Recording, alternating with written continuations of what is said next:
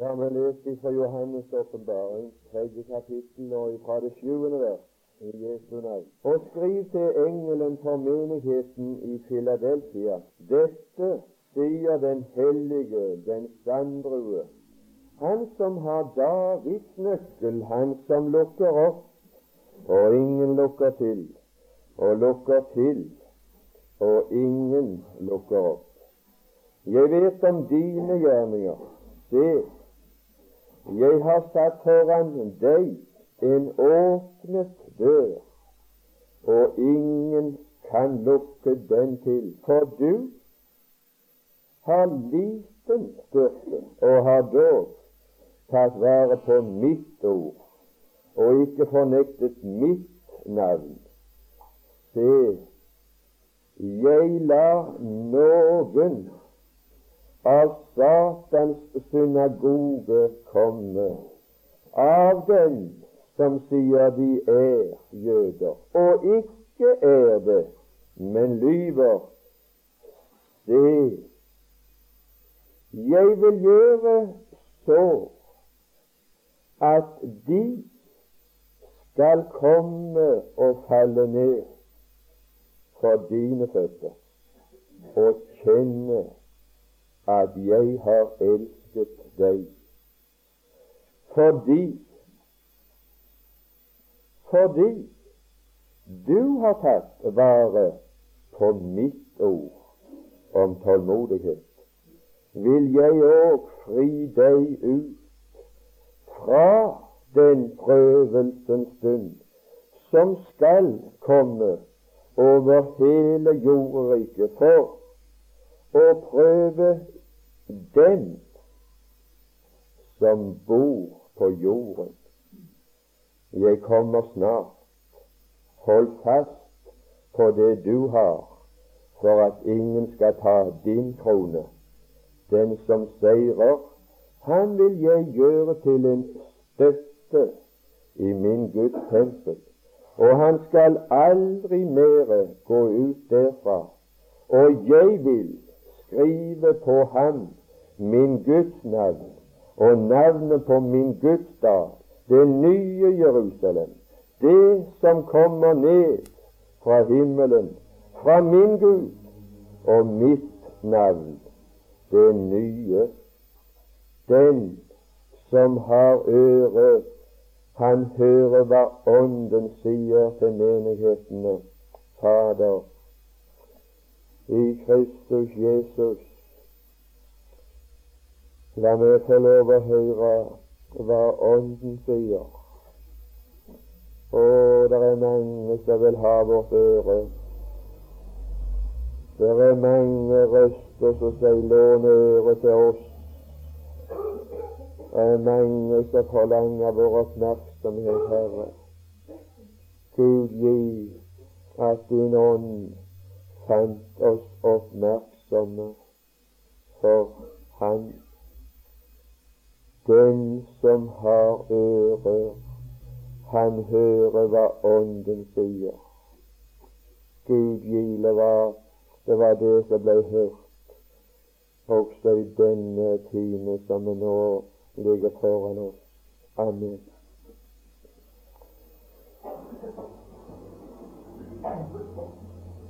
Philadelphia.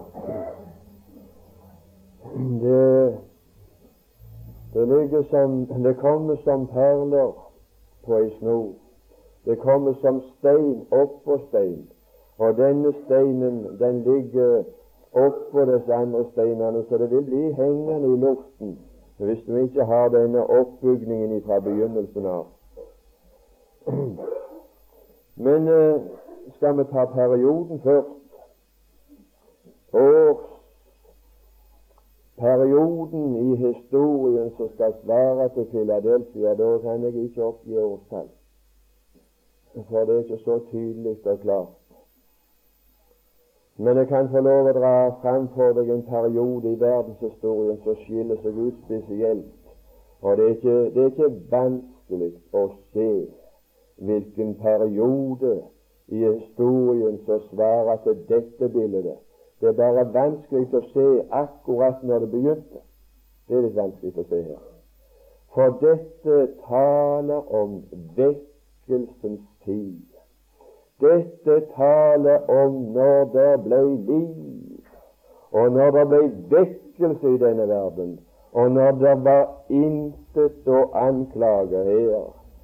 Og hva var det som tente en vekkelsens brann? Hva var det som var kraften i deg som nå er historiske personer, som skinner med en ekstra glorie, Moddier, Billy, Billy Greier og alle disse her Spurgeon og disse som du går tilbake i, disse her i Norge Og det var ikke bare i Amerika. Det var ikke bare i England. Det var overalt i Europa og i den opplyste verden. Det var overalt iblant hedninge nasjoner. Hva, hvor lenge er det at våre organisasjoner har sin historie? Hva tid var det det begynte? Hva tid var det det ble født? Hvor lenge? Hvor lenge er det? Hvor gamle er de eldste jubileer? Av bestående vekkelsesbevegelser. Å, de er ikke så gamle i år. De er ikke så gamle i år. Hundreårsjubileer er holdt. 90 år, 100 år, 150, men da tror du klarer å ta det med.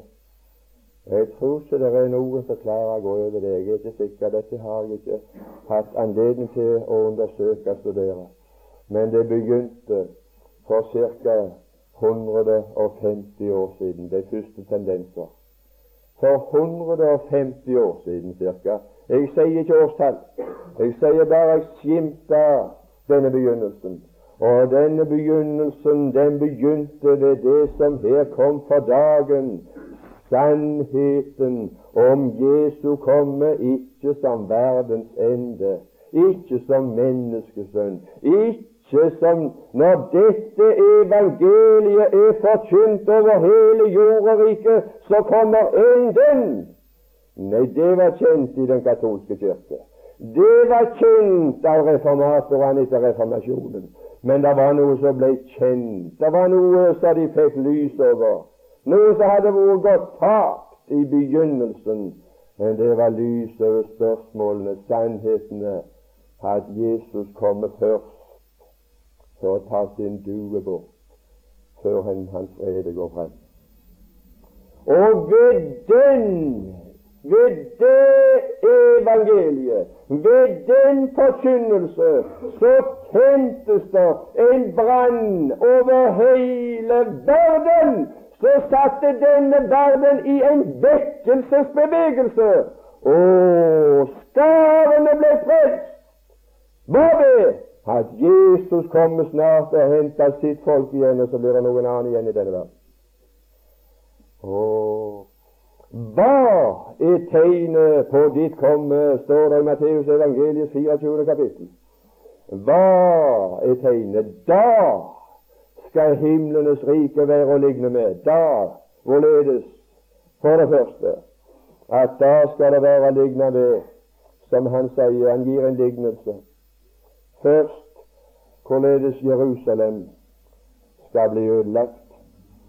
Og så gir han en lignelse Nummer to om hvorledes det skal være i menneskesønnens dager.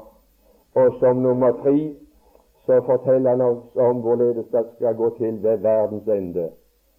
Tre ting i en lignelse. Han, han forklarer det.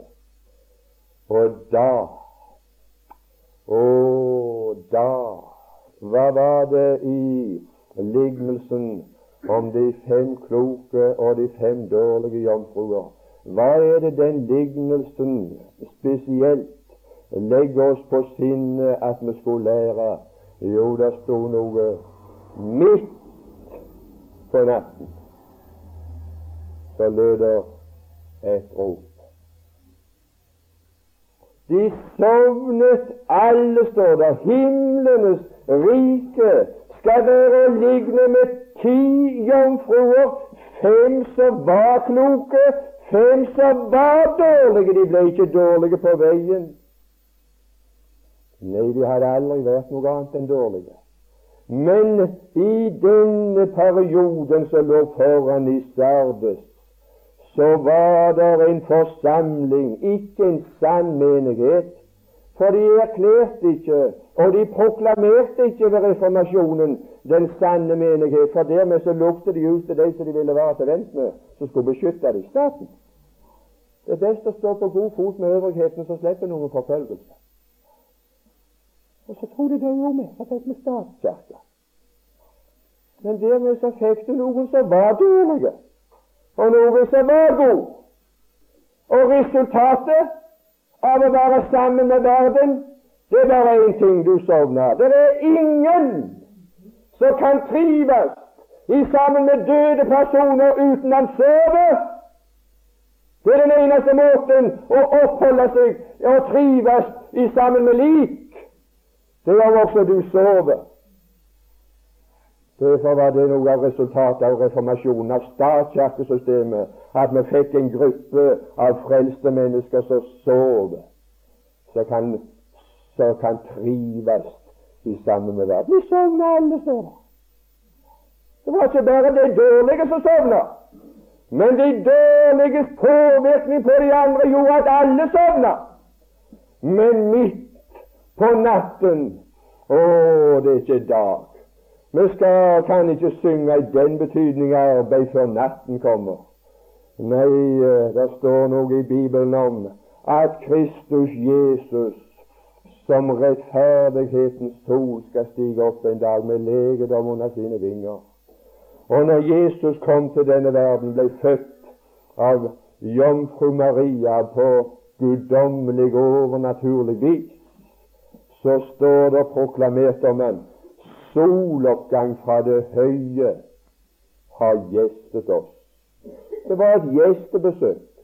Og mens vi hadde det gjestebesøket i denne verden, så hadde den solen og den dagen legedom over sine vinger. Han helbredet all sykdom. Men når han gikk bort, så ble det natt på jorden. Så var det natten som kom inn igjen. For inntil den dag så har det vært natt for, for i denne verden for Guds barn. Og jeg var, har besøkt en som det er natt for. En som er frelst og ligger på sykehuset uten føtter, med piner og smerter. Å, jeg skal si det natt. Det er ikke noe sol med legedom under sine vinger. Han må ligge der i tålmodighet dag for dag og bare vente på én ting at alt går samme veien som futten allerede har gått. Det går i forråtnelse. Det er natt for Guds barn. Men det har vært natt. Jeg skal si det ble natten. Jeg skal si det ble natten for Guds barn i det katolske mørket. Jeg skal si det var natt mens Guds barn sov iblant de døde ved lik. Da var det natt. Men jeg skal si det var noe som fikk liv i de som var så de sov. Det var noe som klarte å vekke de som var sov. Midt på natten løder et rop. Se, brudgommen kommer! Det har du tegnet. Ah, med det budskapet så våkna de. Da våkna ikke bare de som hørte Herren til, men de lagde en vekkelse av ufrelste. Å, oh, for en vekkelse! For en vekkelse som gikk over den hele verden! For en vekkelsesbevegelse det laget til misjonsvirksomhet! Han er ikke eldre enn dette. Midt på natten var det vekkelsen brøt løs. Der har du tegnet. Å, han kom ikke. Nei, det var, det var bare ropet. Se, han kommer! Gå ham i møte! Det gikk en tid før han kom. Det gjorde det. Det gikk en tid før han kom. Det har gått en tid før han kom. Men det ropet, det vekte de. Og det hadde til resultat at vi fikk Philadelphia-tilstander i denne verden. Oh, ei åpnet dør som hadde vært stengt så lenge så de står i lag med døde. Og den døren er stengt i Mosby så lenge så de troende kan trives med verden. Men hvis her blir vekkelse, så vekkes ikke bare de troende, men så vekkes også de døde. Og så går de ham i møte. Gud gi meg fikk en guddommelig vekkelse. For denne tilstanden, den er det gitt et løfte for her, skal vedvare inntil bortrykkelse. Inntil jeg kommer for å fri deg ut. Å, jeg venter på vekkelse. Jeg venter på stor vekkelse i morgen. Jeg har ikke gitt opp håpet. Jeg har ikke gitt opp troen. For Jesus sier her denne, disse mulighetene ligger rede inntil jeg kommer for å fri deg ut fra den prøvelsen som skal komme. Å, der er råd for de som har ører, enkeltindivider, og så våkne og dermed vekke de som du har sovet sammen med. Det kan du skrive opp. Å, måtte det være noe så klart å vekke deg ifra åndelig søvn, du som har liv.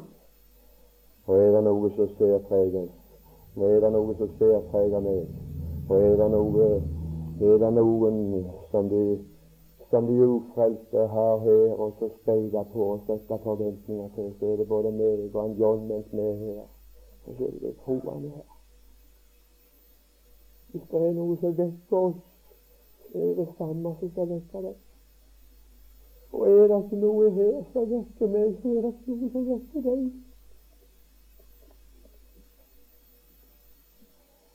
Hvis jeg kan sitte med et verslig menneske framfor fjernsynsskjermen og se på en film, så sover i lag med døde. Jeg sitter med et lik uten å kjenne liklukt. Og det er umulig at det liket kan oppvekkes til liv ved mitt liv hvis jeg ligger der og sover og nyter det samme som de døde nyter. Å, Gud gi, her kom en vekkelse som hadde til resultat at fjernsynene ramla ut av husene. Gud gi, det kom. Fjernsynet som har lurt deg inn. Å, det er noe godt med fjernsyn òg, sier de. Ja, det er noe godt med alt. Vi har, vi har ei plage hjemme hos oss i kjelleren. Og det er det at det kommer inn noen rotter av og til. Og så er det spørsmål hvordan skal vi få rydda dem ut. Da gir vi de ikke bare gift, for det vil de ikke ta. Men vi gir dem havregryn. Mesteparten er godt. Bare litt gift, så sluker de det. Og så er det døden. Mest noe godt, mye godt, bare litt gift, så tar du det. Og så sovner du. Og så sovner du gjerne i dødens søvn og våkner i helvete. Å, hvor mange foreldre skal stå der og gråte for deres barn gikk til helvete på grunn av fjernsynet og det de så der. Jeg skulle ønske det hadde konsekvenser for, for kringkastingen at vi hadde bibelkurs. Jeg skulle ønske det ble noen mindre lisenser for å produsere sånne programmer som de serverte her forleden til klokka to om natta. Jeg skulle ønske det ble at det ikke var troende folk som var med og betalte til en slik produksjon. Frivillig! Det er gale nok med den skatten de tar, som de nøyer seg i, om ikke frivillig skal være med å støtte det djevelskapet som forsumper vårt folk. Å, litt gift, så, så går det ut. Så går det ut. Ja, det er denne perioden.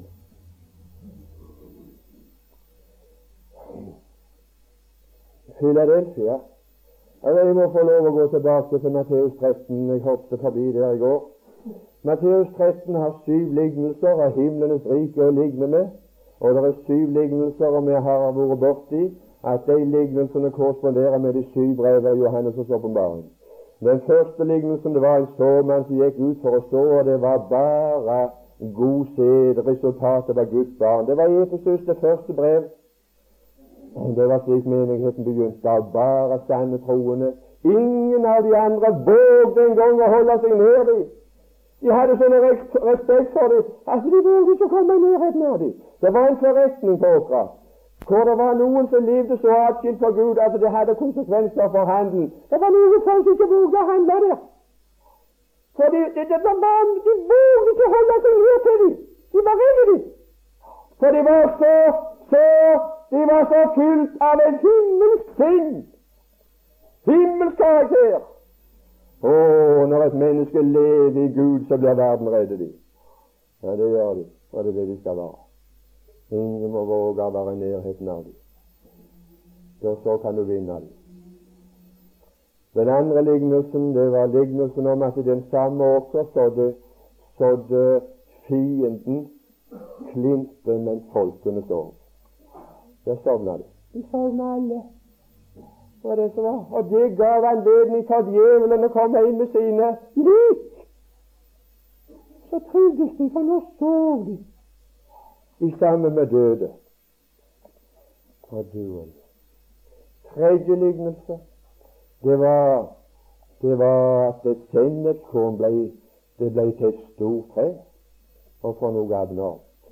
Når, når, når kveiteåker, når Guds menighet forandrer det vakre, vidunderlige bildet og bare en kveiteåker aks for aks og har samfunn med hverandre, så står der og bølger og avgir en frukt som skulle være til mat, så blir det et tre. Ikke et frukttre.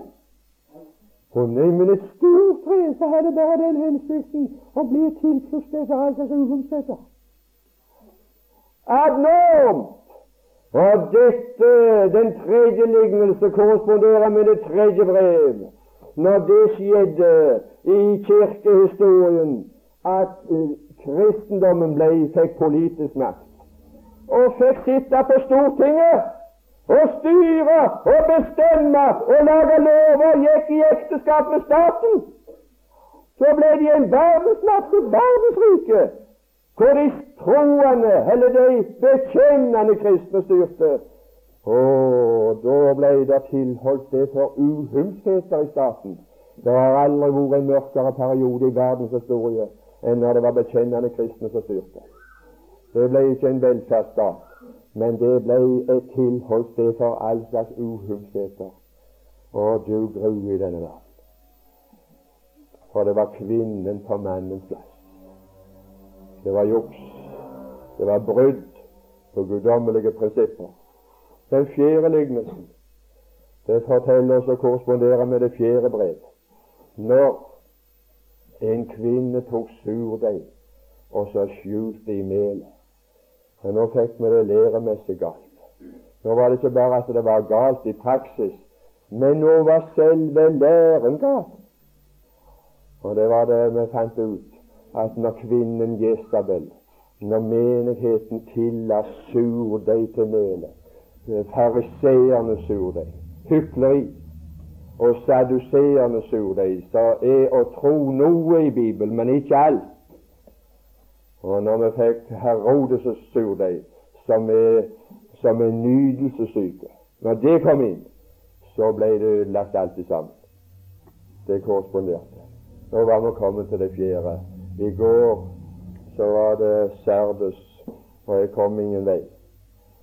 Men Serdus korresponderer med den, den femte lignelse i Matteus 13.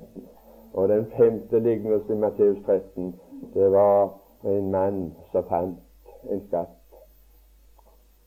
Og som han gikk bort og skjulte i en åker. Så gikk han bort, og så kjøpte han hele åkeren. Her har du Sardes. Der har du det som skjedde ved reformasjonen. Jeg vil ikke kanskje ta opp det til behandling nå, altså kommer vi ikke til å behandle det som skal behandle nå. Men den sjette lignelse i Matteus 13 omtaler Philadelphia. En mann søkte gode perler, og så fant han ei. Og i sin glede så gikk han bort og solgte alt han hadde, og så kjøpte han den. Det er Filadelfia. Det er Guds sanne menighet. Det var det for Kristus døde på korset for å få den. Og her er ingenting å klage. Her er ingenting å anklage for Kristus. Det er en menighet uten plett og rynke eller noe sådant. Er Kristi brud i denne verden. Vet du hva Philadelphia betyr?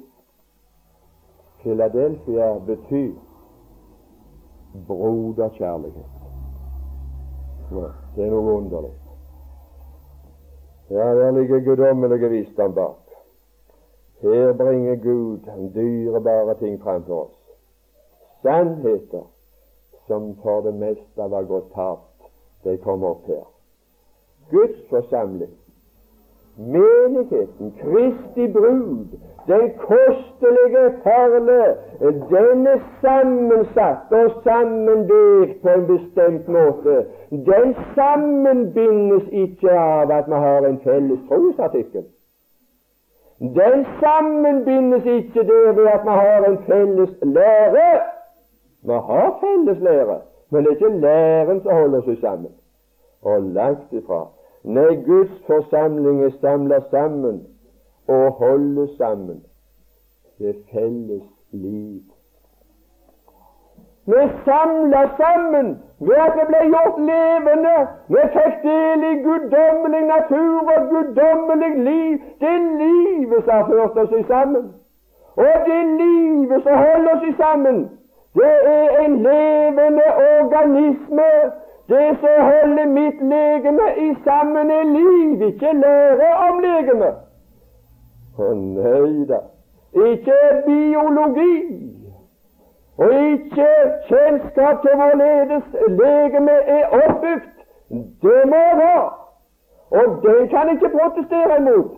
Det er en rett lære, men det er ikke læren om mitt legemes oppbygning som holder meg sammen men det er liv. Og på grunn av det er liv, så kan det bygges en lære. Hva er det? Så det er ikke problemer. Det er ikke problemer å holde dem sammen. Ja, de holder seg sammen av seg sjøl. Jeg har ikke problemer med å holde tommelfingeren der. Han holder seg der sjøl så lenge det er liv igjen. Å, det er lemmer. Men uh, når de skal ha medlemmer, så blir det trøbbel med å holde de sammen. Det er du. Hvis jeg hadde hatt en trefot, så hadde det vært et medlem, og ikke et lem.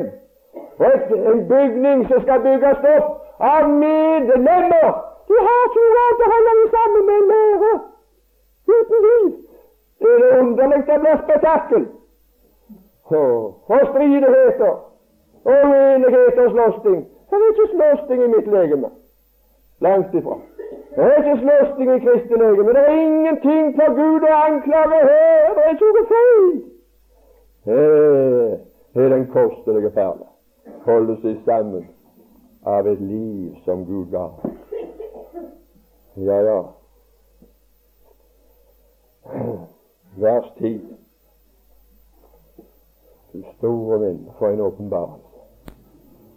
For en åpenbarelse, fordi du har tatt vare på mitt ord om tålmodighet, så vil jeg fri deg ut fra den prøvelsens stund som han nå har talt om som den store trengsel, som både Tyatira og Sardes skal gå inn i. For det er ingen av de som holder det skjult, at de skal inn i den store trengsel. Men de sier det sjøl.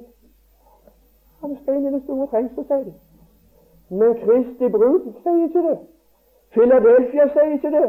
Nei, der sier de det at vi har Herres ord på at Han skal fri oss ut fra den prøvelsens stund som skal komme over dem. Det er noen som heter oss, og så er det noen som heter dem. Og oss som holdes i sammen av guddommelig liv, oss skal Han fri ut fra den, prøvelsen. Men dem som bor på jorden, er det som skal prøves ved den store trengsel. Ja da, det er nok sant det de sier, at den bekjennende kristne menighet skal inn i den store trengsel. Det er bare det at jeg hører ikke til dem. Jeg hører til Kristi legeme, og han er sitt legemes frelser. Og Herren tager sin due bort før en hans vrede går frem. Han skjuler meg bak perleport, hjemme i Salems vidunderlige hjem. Det er det han har tilegnet den kostelige perle.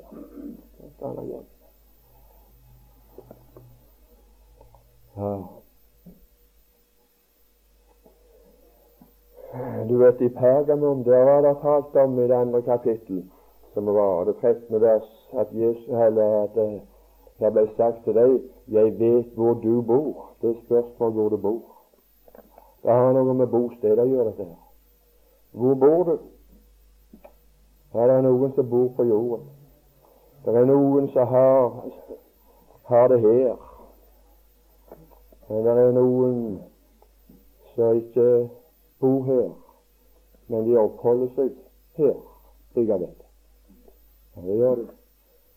Her er noen som bor på Mosby, men ikke alle i denne forsamlingen bor på Mossby, Men vi er på Mossby alle. Det er noen i denne forsamlingen som ikke bor her, de bor en annen plass. Og de som bor en annen plass, de kommer snart til å reise herifra. Det kan du være sikker på. De andre blir igjen. Det er noen som bor en annen plass, de kommer snart til å reise herifra. Det er noen som bor der. og Jeg har et hjem, et rom i himmelens saler. Jeg reiser dit fra disse tåredaler. Når jeg er her, så bekjenner jeg en ting. Jeg føler meg fremmed her. I og med at jeg ble frelst, så ble jeg en utlending i denne verden. Jeg ble en fremmed her. Jeg ble et rart menneske fra verden. De forstår ikke språket engang. Ja, men du må snakke annerledes på møtene når det er vekkelser. Du må, snakke, må ikke snakke kananspråk, for det forstår de ikke. Men det er nettopp det de ikke skal forstå. Men det er nettopp det de ikke skal forstå. Og de skal forstå at nå er Arnold Bjerkreim tilhørende en annen nasjon. Et annet bedre et annet land. Og det landet som han er fra, det er et bedre fedreland enn det gode Norge. Vil du bli med? Så blir du med på å bli født av Gud. En kan, bare, en kan bare få et fedreland ved altså at mine fedre bodde der. Når jeg er åkrabu, og når jeg er nordmann, så er det fordi at mine fedre var åkrabuer og nordmenn. nordmenn. Kunne ikke sjøl bestemme hva jeg skulle bli. Jeg vil være engelskmann. Og langt ifra. Og langt ifra. Jeg kan ikke bestemme meg til å bli en engelskmann. Engelskmann blir de av fødsel. Vi er jøder av fødsel, står det i Galaterbrevet. Vi er hedninger av fødsel. Vi er Guds barn av fødsel. Vår karakter er bestemt av foreldrene. Jeg er født av Gud. Gud er min far. Hva er mor? Det er det noe mor til når skal fødsler til. Galaterbrevet forteller at vår mor, det er løftet. Det er løftets barn. Gud er vår far, og så fødte han oss med løftet. Det er moren. Og her er det så mange Guds barn som er løftets barn, som er født av Gud i kraft av et løfte Gud ga. Jeg vil gi deg landet. Og så trodde de det. Ja, sånn ble jeg født. Født av Gud. Jeg bor ikke på jorden. Derfor skal jeg altså fri frelses ut. Jeg skal ikke være her lenger. Jeg reiser snart. Han kommer snart, min kjære venn, og henter meg til himmelen. Det kan du være sikker på. Og det stod her at jeg kommer snart. Hurtig, plutselig. Jeg skal ikke dreie et sekund lenger enn nødvendig. Det kommer snart for å fri deg ut ifra den prøvelsens stund. Ikke inn igjen. Nei, så skal prøve dem. Det skal bli holdt en prøve på disse som sier de er, og som ikke er. Det skal bevises. Det skal bevises. I dag er det ikke bevist. Ja, ja. Jeg vet ikke om jeg kan ta mer om bortrykkelsen.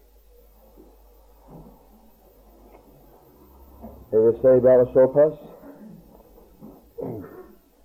at til Tyatira så fikk de bare opplysning om at uh, 'jeg kommer'. Det var den sannheten som ble sagt der til Tyatira. 'Jeg kommer'. Den uh, forteller om han kommer igjen. Og den peker til menneskesønnens komme. Og menneskesønnens komme til dom over denne verden. Jeg kommer. Sardes fikk en tilleggsopplysning at når han kom, og når han kom i karakter av menneskesønnen, så kommer jeg som en tyv. Tid er det? Om natten. Å, det er natt. Og det vil fortsette å være natt inntil Herren kommer. Men det er noe som jeg synes det er forunderlig. Det kommer, der kommer natt, det kommer morgen, men det kommer også natt igjen. Det er noe forunderlig i det øyeblikk at vi går bort fra denne verden ved bortrykkelse, så er natten slutt for de, for de frelste. Men så er det det forferdelige at så er det natten slutt også for de ufrelste. Og jeg syns det begynner å se større dagdemring for de ufrelste i denne verden.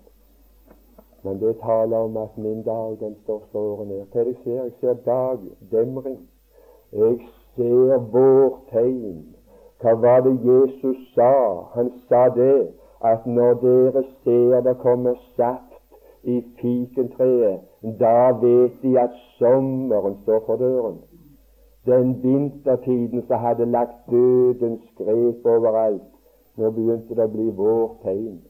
Å, denne verden har vært holdt nede av et vinterens jerngrep som har hindra all vekst og utvikling i 6000 år.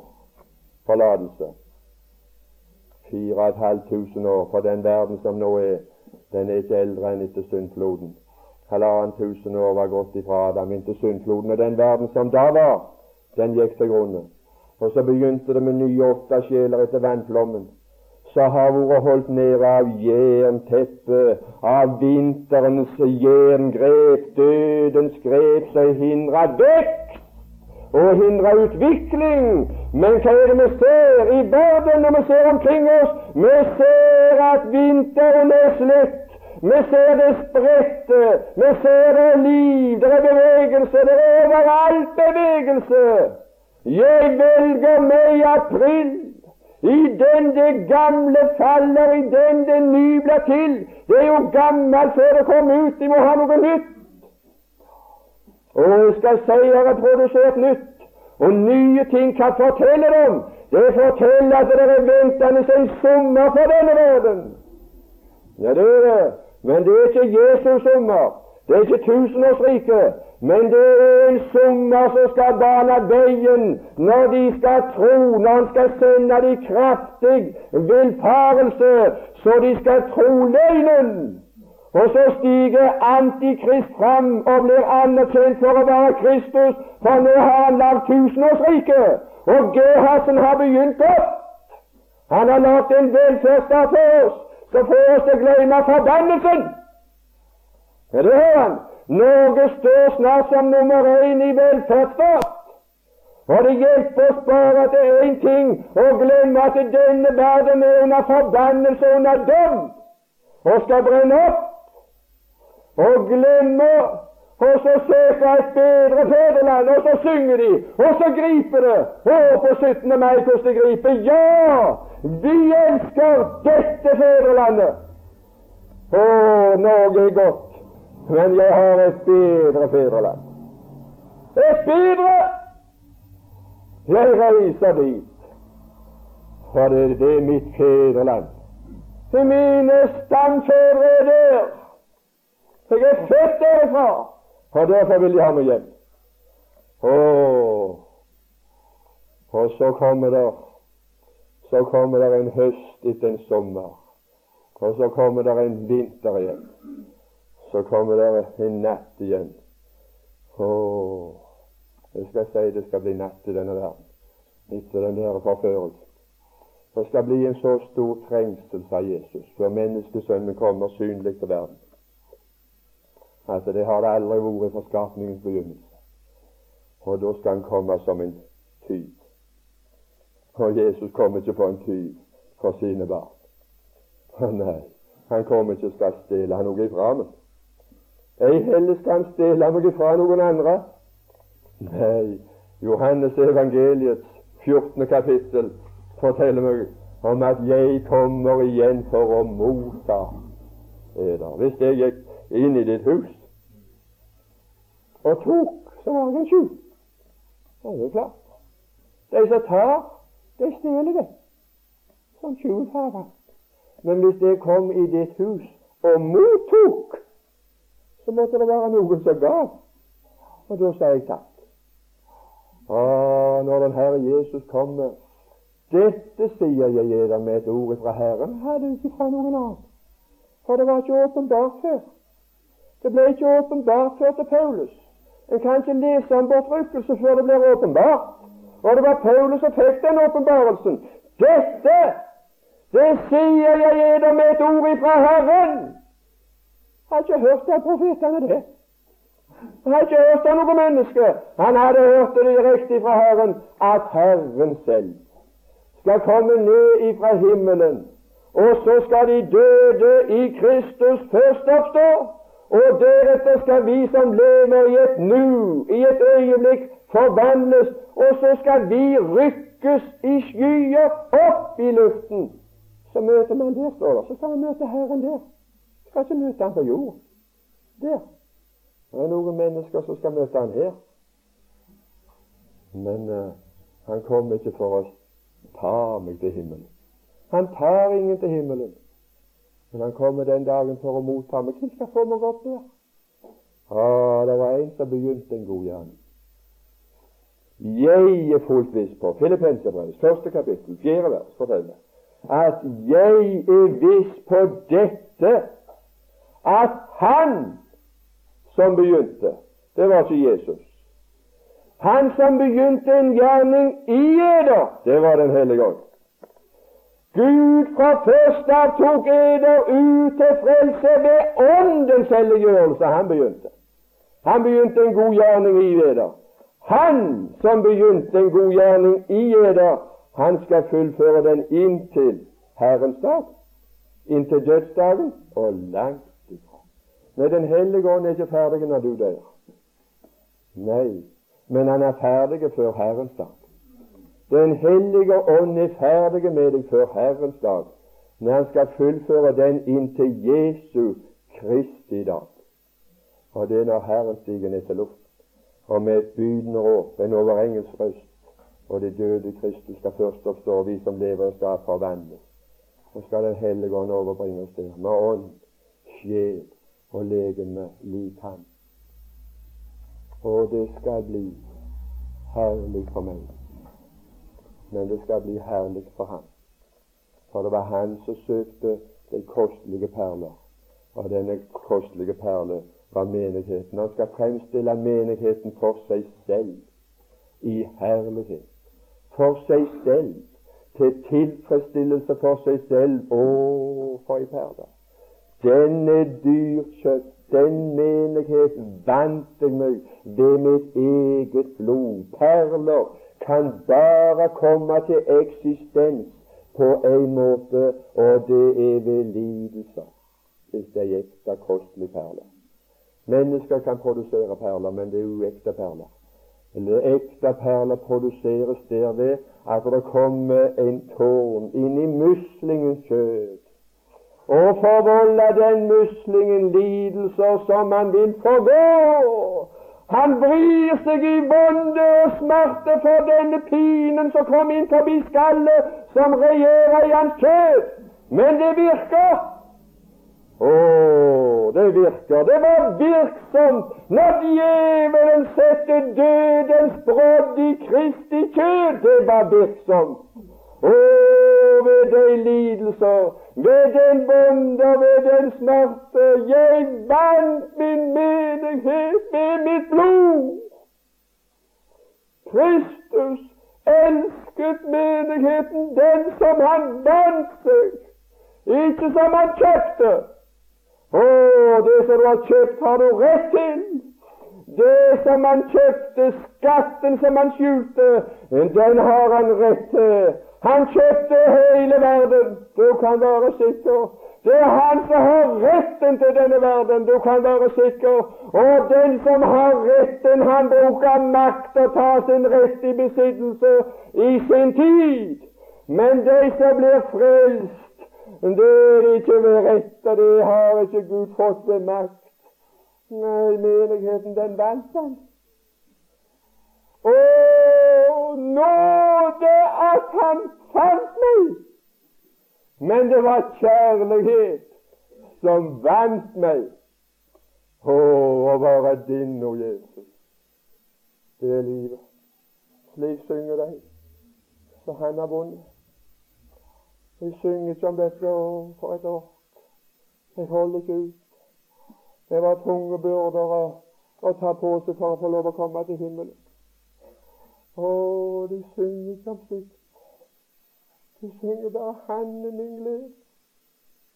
Han er min sang.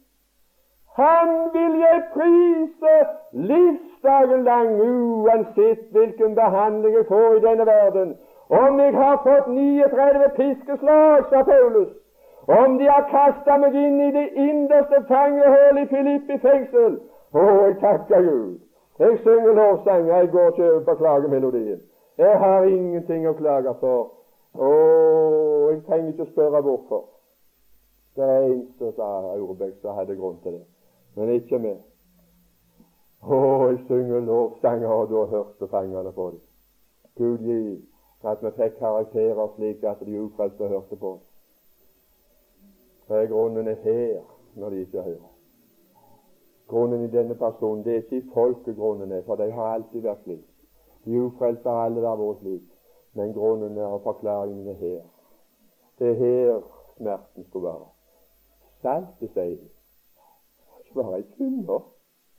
Du må få saltet blanda sammen med kjøttet. Og i er jo jorden saltet. må blande dere med verden så at det ikke går i forråtnelse. Det må komme inn i alle ting, i styre og stell, i all slags bevegelser. Så skal du se det blir bevart. Ja. Vet du hva det står i Bibelen? Eh, Markus evangeliet 9. kapittel og det siste vers. Ha salt i dere selv. Her er det skal svi. For saltet svir det, og saltet skal bevare oss. Ha salt i dere selv, og hold fred med hverandre. For at jeg skal holde fred med mennesker, så må det svi her når det gjør meg vondt. Og hvis de ikke svir her, så slår jeg igjen. Men når jeg ikke skal slå igjen, så svir det. Det svir å gi seg når han har rett. Der er det det skal bevares. Det er vi som skal bevares. Salt i eder selv La det svi der når noe motgang møter deg. La det svi der når noe forfølgelse kommer. La det svi der når det kommer noe som du ikke liker. Da svir det. Oh, så skal du bli et lys i denne verden. Så skal du kunne vinne verden. Ingen kan vinne verden ved å bli skjeten sjøl. Og jeg har aldri lagt merke til at når jeg tar en mann som er skjeten i hånda, at, at det regner smitta på den skitne. Det er jeg som blir skitten av den skitne. Det smitter ikke med renhet, men urenhet er smitta på renhet. Ja, bare hold deg sammen med ufrelste, så skal du bli så uren altså at du har ikke frimodighet til å be bønn. Og hvis du har frimodighet, så må det være toppen av frekkhet. Oh. Ja, ja. Jeg må, jeg må forlate det. Jeg må få lov å bruke noe tid på på noe som sto her, som karakteriserer denne kostelige perle som Herren har her i denne verden. Det sto der i det åttende vers For deg, for deg, for jeg har satt foran deg en åpen dør. For slike mennesker enkeltvis er det åpne dører i denne verden for evangeliet. Det er bare spørsmål om en har denne karakteren. Jeg har satt foran deg en åpnet dør til å forkynne evangeliet så det blir vekkelse, så det blir noen vunnen. Hvorledes? Jeg har satt foran deg en åpnet dør. Den var stengt i forrige periode. Men her er det en åpnet dør. Her brøt vekkelsen utover alle land i denne verden. Hvorfor? Fordi du har liten smittelse. Nei, det må bare trykke. Ja, det må det være. Fordi du har liten styrke. Å, det er noen som synger i denne verden. Jeg, jeg er intet, men Kristus mitt alt inntil i dag til i dag. Det er noen som har sverdet i den hånda som Peter hadde. 'Å, jeg skal gå i krigen, jeg skal kjempe for deg, Jesus.' Ja, Så hogg han til, og så hogg han ørene av folk, så var det ingen som kunne høre lenger. Så la, ødela han muligheten. Det er kjød. Det er styrke. Kjødelig styrke. Nei, men det står noe i dommernes bok om en som brukte den hånda. Å, han hogg ikke øret av. Han tok livet av. For, for når Peter talte på pinsedag, så gav han det i stikk, ikke i øret. I hjertet gav han i stikk. Hvordan går det da? Så dreper du dem. Får du et stikk i hjertet, så dør du. Å, han med venstre hånda, han kjørte det inn i hjertet på mannen, så dør. Og det er det et menneske må for å bli frelst. De må dø som mennesker. Det er bare én vei til livet. Nå gjennom døden til livet fører gjenløsningens ord. Så lenge du lever, er det ikke håp. For du har hørt så lenge det er liv, er det håp. Da er det ikke håp. Så er det bare dem.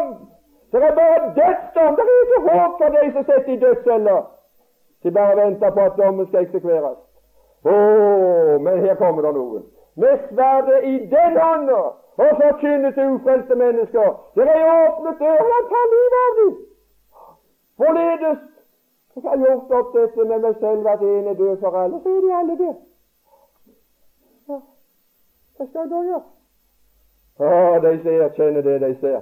Ja, da er jeg òg det. Ja, da er det sant.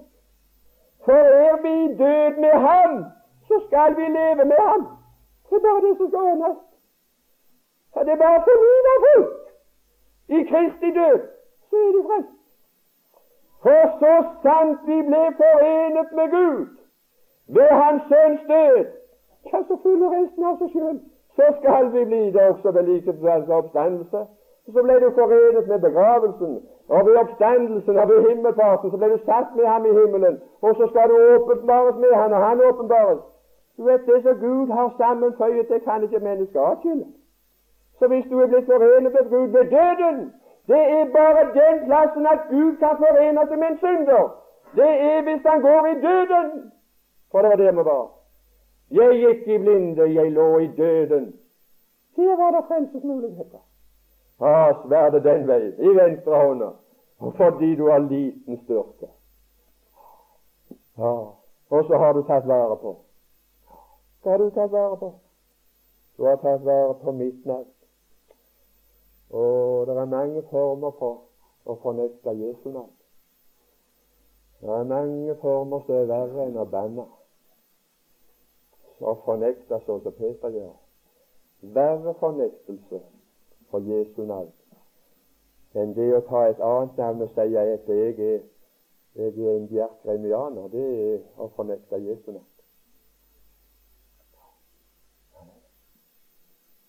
Du for deg har jeg satt foran en åpnet dør.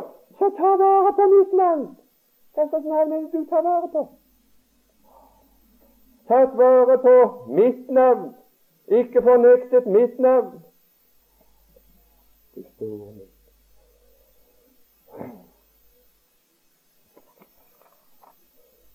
Dette her, det, det ransaker meg i mitt liv med min virksomhet og med min forkynnelse og med mitt alt i mitt liv til jeg tar vare på.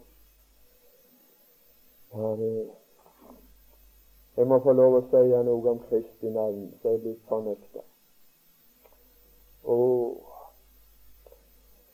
Jeg vet ikke, jeg må snart slutte. Jeg må prøve å ta noe med her. Så får jeg prøve om jeg kan Jeg hadde helst tenkt å sagt jeg, ble, jeg hadde noe mer her som jeg hadde lyst til å si. Kristi navn. Reformasjonen, sa jeg. Lovde å komme inn på noe her i dag, i går. Reformasjonen førte fram i lyset rettferdiggjørelse av tro alene. Men uh, Kristi navn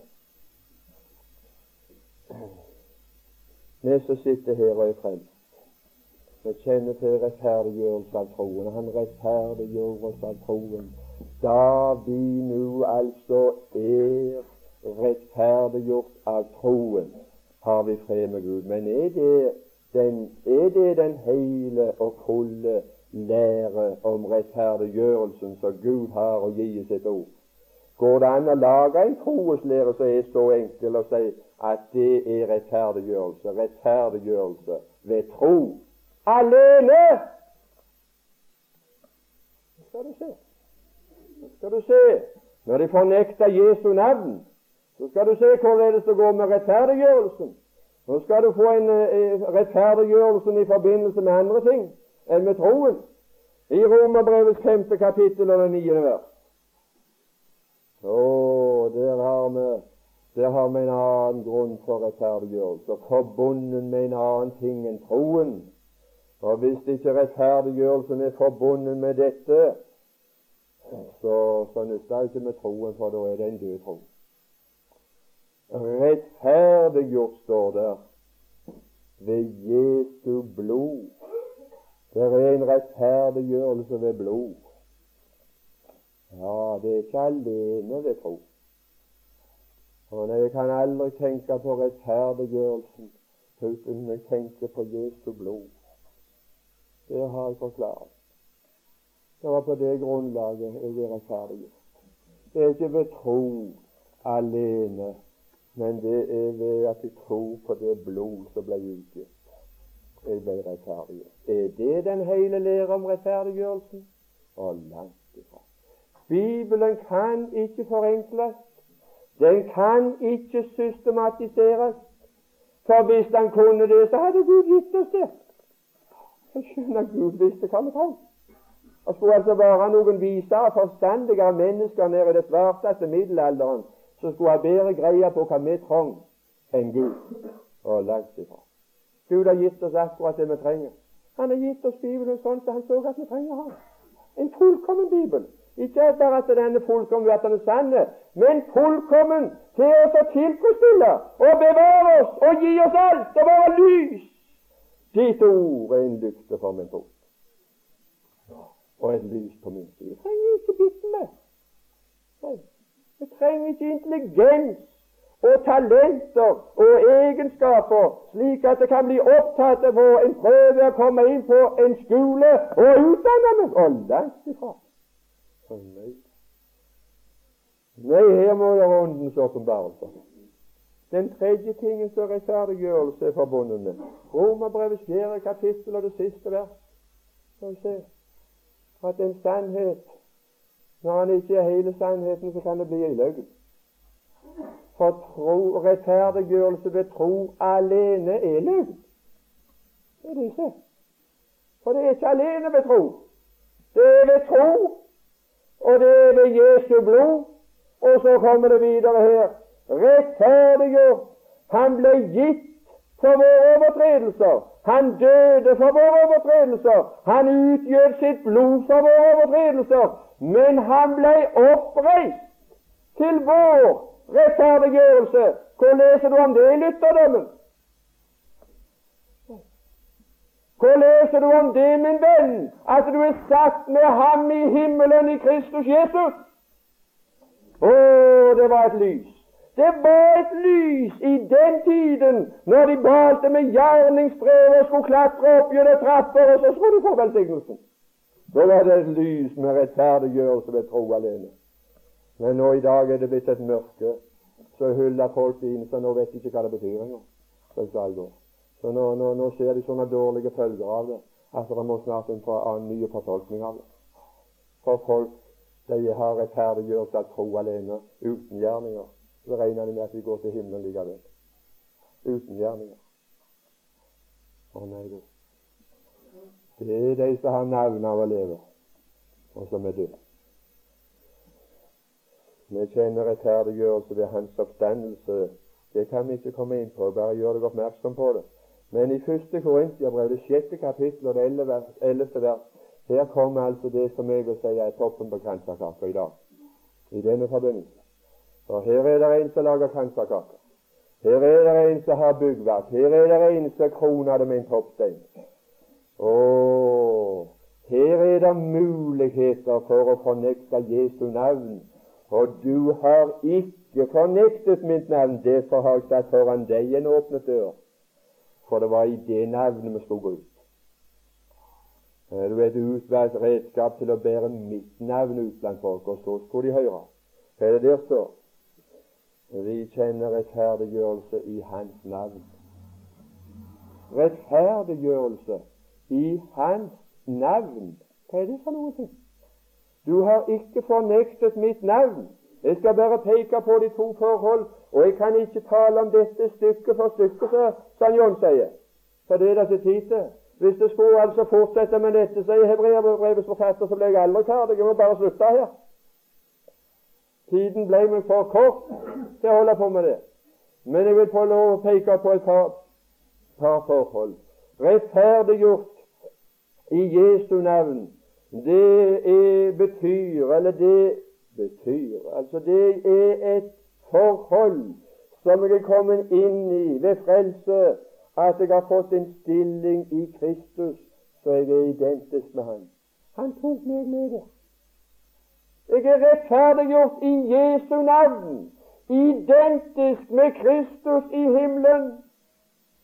Og rettferdiggjort i Jesu navn på den måten at Han har gjort seg identisk med meg her. Og så lyder det Romerbrevet, åttende kapittel og det første vers så er da ingen fordømmelse for dem. Hvem? Så er rettferdiggjort i Jesu navn, så er i Kristus Jesus. Og hvis de er i Kristus Jesus, så må de være der. For Kristus er ingen annen plass nå. Det er noen som snakker om dette for høye greier. Jeg liker, nei, dette jeg blir svimmel på de møtene. sånn. Jeg holder på på det oppe.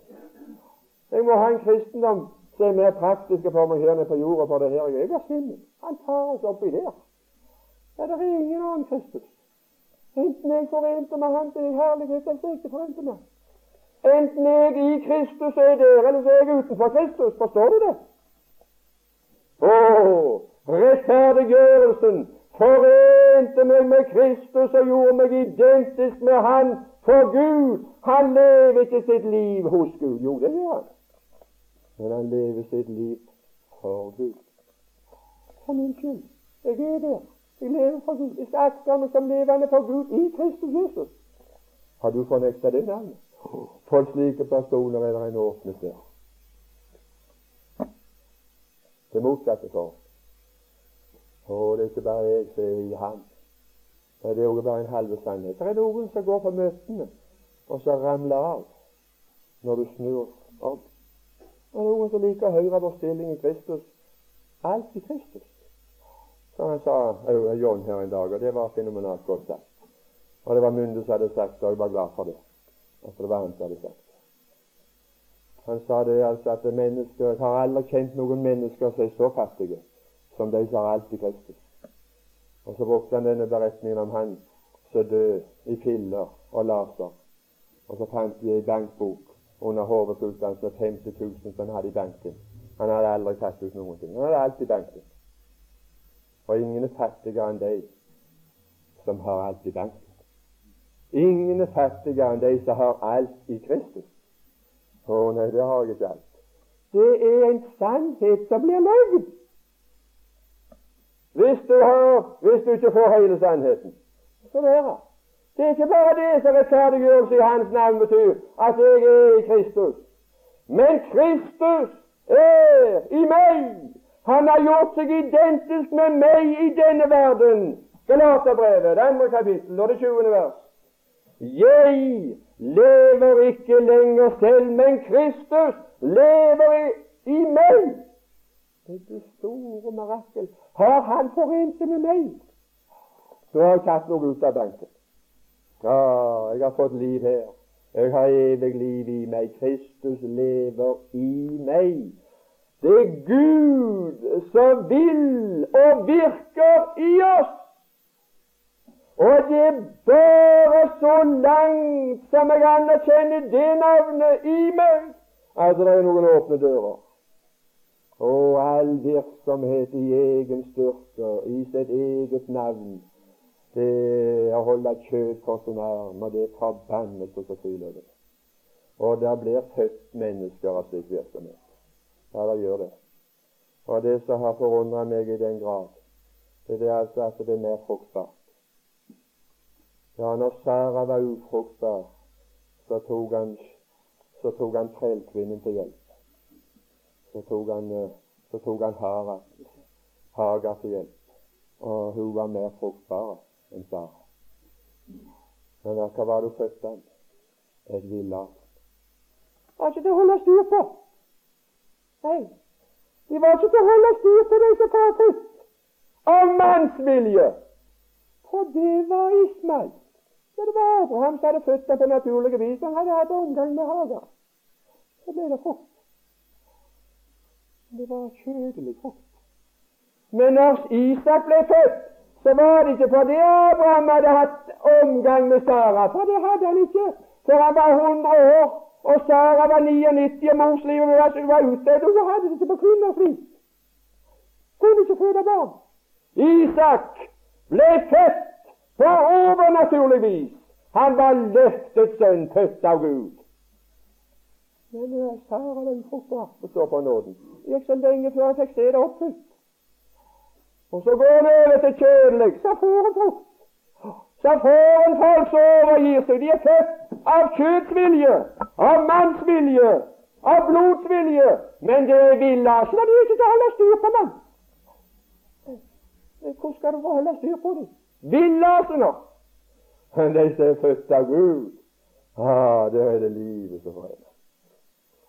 Det er ikke bare om å gjøre å bli født, men det er spørsmålet om du blir født av Gud. Det er det som er spørsmålet.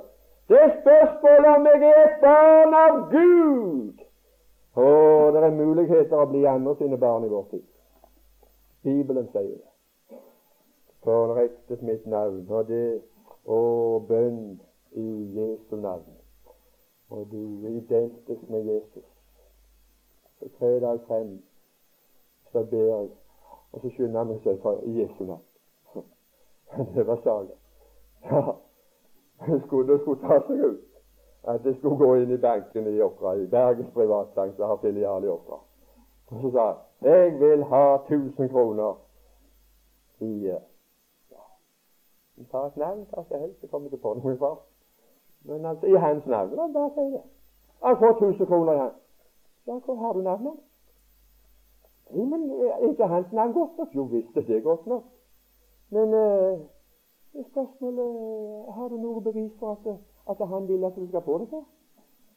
Ja, men han har sagt det skulle gå bare be hans navn, så får det. Han har godt navn. Og langt ifra seg ingenting. På hvilken måte småprøve? På en kjeks han hadde skrevet navnet sitt under. Det er kjekker her. Er kjekker her så han har skrevet navnet sitt under. Men før jeg får noe svar, så må det være i Jesu navn. Det må ikke bare være noe å si. Det må være noe som han har underskrevet. Å, jeg ber på den dag så skal det be i Jesu navn, og da skal det få. Å ja, nå skal det få Nå var underskriftene. Kunne fått om det var en million hvis han var god for det. Ingen hindring da. Bare spørsmål om underskriften med det. Jeg ber i Jesu navn. Identisk. Jeg går inn da som om jeg gikk inn sjøl. For å ha Hans navn. Å, har du fornekta navn? Og de mennesker som ikke har fornekta dette navnet, for de har jeg satt foran ei åpnet dør. Du skal få det du ber om. Skal ikke be på slump du ikke får det, gjerne. Nei, det der jeg ikke be for det får jeg ikke. Nei, hvis du ber altså bare i ditt eget navn, så får du ingenting heller. Og jeg har ikke befrielse, det er ikke dekning. Men så mange som Guds løfter er, og i Ham har de fått sitt ja. Derfor sier banksjefen de skal få sitt ammen. Ved oss når vi presenterer dem. Men først må vi finne dem. Først må vi finne den, Og det er bare ei tro. Be i Jesu navn. Ikke fornekte Hans navn. Å, la oss ikke, la oss ikke, la oss ikke drive åndelig hor. La oss ikke drive utroskap imot Herren. Ja, det store Fader,